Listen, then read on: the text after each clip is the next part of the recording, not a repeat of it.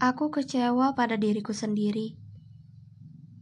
Aku kecewa karena sampai saat ini aku belum bisa mengatur waktuku dengan baik. Aku kecewa karena di saat usiaku sudah menginjak kepala dua, tapi aku belum menjadi apa-apa.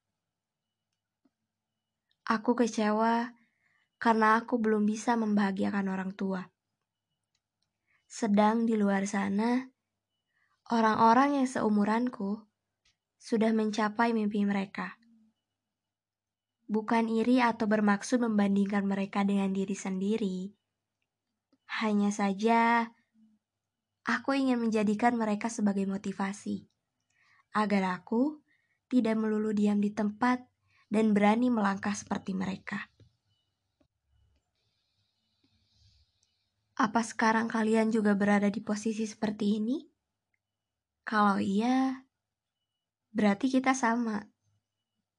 Jadi, ayo kita berjuang sedikit lagi.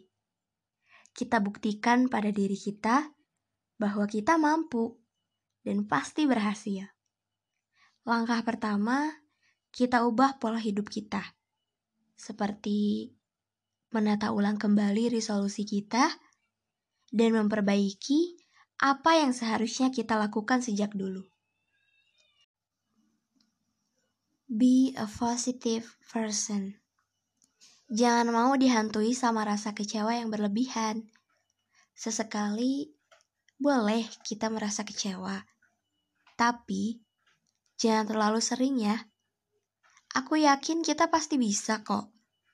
Dan kamu tahu, dunia membutuhkanmu karena kita hidup di dunia ini memiliki peran masing-masing.